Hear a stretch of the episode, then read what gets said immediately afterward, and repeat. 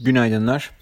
Bugün e, Amerika için bir makro gündeyiz. Çünkü e, Türkiye saatiyle saat e, 2'de ve 2.30'da sırasıyla JP Morgan ve Goldman Sachs'ın bilançoları olacak. Ardından saat 3.30'da da tüketici enflasyonu açıklanacak. Dolayısıyla e, verilerle e, yön bulacak bir gündeyiz. Enflasyonda beklenti önceki okumaya göre hem çekirdekte hem manşette geri çekilme. E, enflasyonun düşük gel- gelmesi mevcut koşullarda 10 yıllık getirilerinde biraz yukarıda gitmesinden dolayı altın ve gümüş için negatif olabilir. E, hisseler tarafında ise büyüme ve teknoloji hisseleri için pozitif, e, sosyal hizmetler ve emtia hisseleri için ise negatif fiyatlamaya neden olabilir. Diğer yandan dün e, S&P 500 bankacılık endeksi daha önceki daha önceleri de destek bularak yükseldiği 380 seviyesinde oluşan ikili diple birlikte yeniden yükselişe geçti. Bu haftaki bilançolar neticesinde bu hisselerde alımlar görme ihtimalimiz yüksek. Ancak burada bazı riskler var. Ee, ilk olarak forward guidance konusuna dikkat etmek lazım. Ee, bilanço açıklandığı üzere açıklandığında bildiğimiz üzere şirketin CFO'su, CEO'su gibi üst düzey yönetimi e, geleceğe yönelik beklentilerini de açıklıyor. Bir önceki bilançolarda e, bu forward guidance açıklamalarında e, bilançolarda zayıf, e, zayıf görünüm olabileceğini açıklamışlardı. Çünkü neden? E, Covid döneminde özellikle işlem aracılığı karlarının çok yüksek olduğunu çünkü insanlar evde olduğu için e, daha fazla işlem yaptığını ama mobilitenin gelmesiyle birlikte bunların azalacağını dolayısıyla sonuçta bankaların karlarının e, daha az olacağını söyle olabileceğini söylemişlerdi. E, dolayısıyla eğer bu durum gerçekleşirse ilk etapta hisselerde yani hisse başı kar beklentinin üzerinde olsa bile e, aşağı yönlü hareketlilik gözlemlenebilir. Nitekim bundan önceki 4-5 bilançoda da bu olmuştu. E, hisse başı e, kar beklentilerini aşan banka bilançolarına rağmen e, geleceğe yönelik beklentiler zayıf olduğu için e, hisseleri satmışlardı. Ama e, dünkü yanılmıyorsam dünkü e, sabah notlarında bahsetmiştim. E, bu son bir senedir bankaların karakteristik özelliği oldu denebilir. E, bilanço iyi gel gelmesine rağmen takip eden bir hafta içerisinde hisse senetleri e, zayıf performans gösterip satıcılı davranıyor. Ama e, yine bilançoyu takip eden bir ay içerisinde yeniden e, kazançlı hale geliyor. Dolayısıyla pozisyon alırken bu olasılığı da göz önünde bulundurmak lazım. Diğer yandan e, dün lityum üreticileri olan Lithium Americas, Albemarle ve Livent Corporation gibi hisseler %10'a varan yükselişler kaydettiler.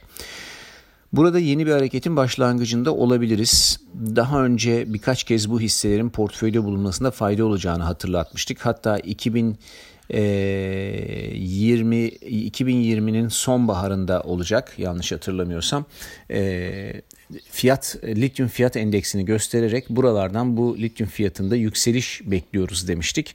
E, sebeplerini daha önce çok kez anlattığım için girmiyorum ama e, elektrikli araçların talebiyle ilgili olduğunu burada e, kısaca bahsetmiş olayım. Dolayısıyla e, gerçekten de o sıralarda 140-130 civarında olan lityum fiyat endeksi bugün 211 bölgesinde. E, buna paralel olarak da e, lityum üreticisi hisseler e, hızlıca yükseliyorlar. E, bundan sonrasında da bu hareketin devamı beklenebilir. E, hatta burada şöyle bir e, numerik bilgi de vermiş olalım. 2020'de küresel lityum talebi e, 300 bin ton ulaşmış vaziyetteydi. 2025 itibariyle e, talebin 1.1 milyon ton olacağını bekliyor analistler. Dolayısıyla burada çok ciddi bir e, talep artış beklentisi var. Bu mutlaka bir noktada hisselere de pozitif etki edecektir ki zaten ettiğini görüyoruz. Tek tek hisselerle uğraşmak istemiyorum diyorsak LIT kısa isimli LIT kısa isimli Global X Lithium and Battery ETF'i de fiyat takibi açısından iyi bir seçenek sunabilir. E, dikkatimizi çeken başka bir hisse ise bir süredir başarılı uzay uçuşu projeleriyle hızlı yükselişler yaşayan Virgin Galactic hissesi. Geçtiğimiz haftalarda yine benzer haberlerle Mayıs-Temmuz arası fiyatı 3'e katlayan hisse dün e, şirketten yapılan yeniden hisse satışı haberiyle birlikte %17 satış gördü. Bu no, normal doğal bir tepki çünkü e, yeniden hisse satışı yapacaksa e, piyasa şunu düşünüyor. E, herhalde parası bitti fon bulmak için hisse satışına gidiyor diyorlar. O yüzden de şimdilik birazcık hisseyi satıyorlar.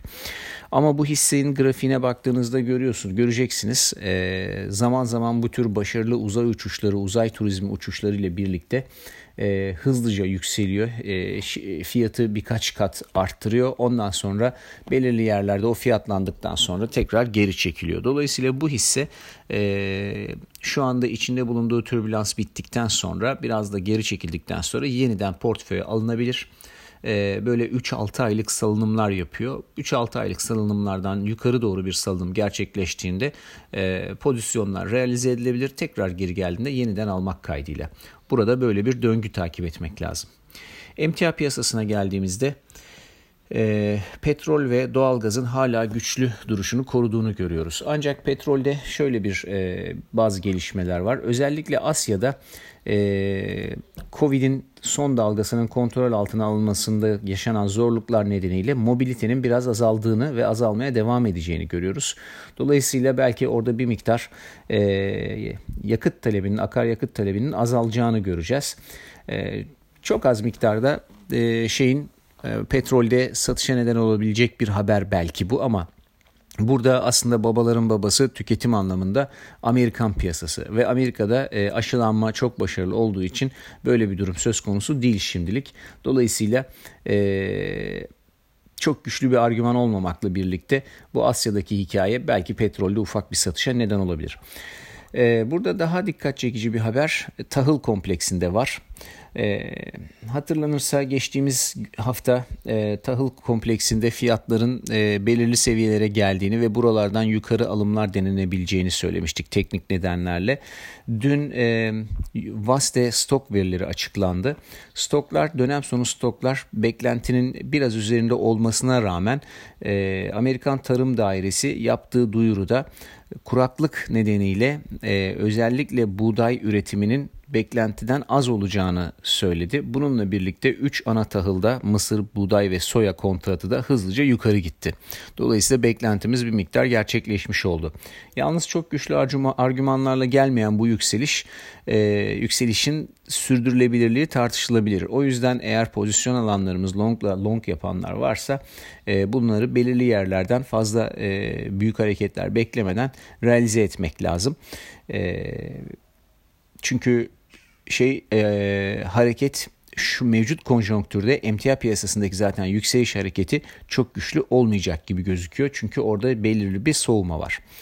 Bugünlük bu kadar. Herkese iyi seanslar.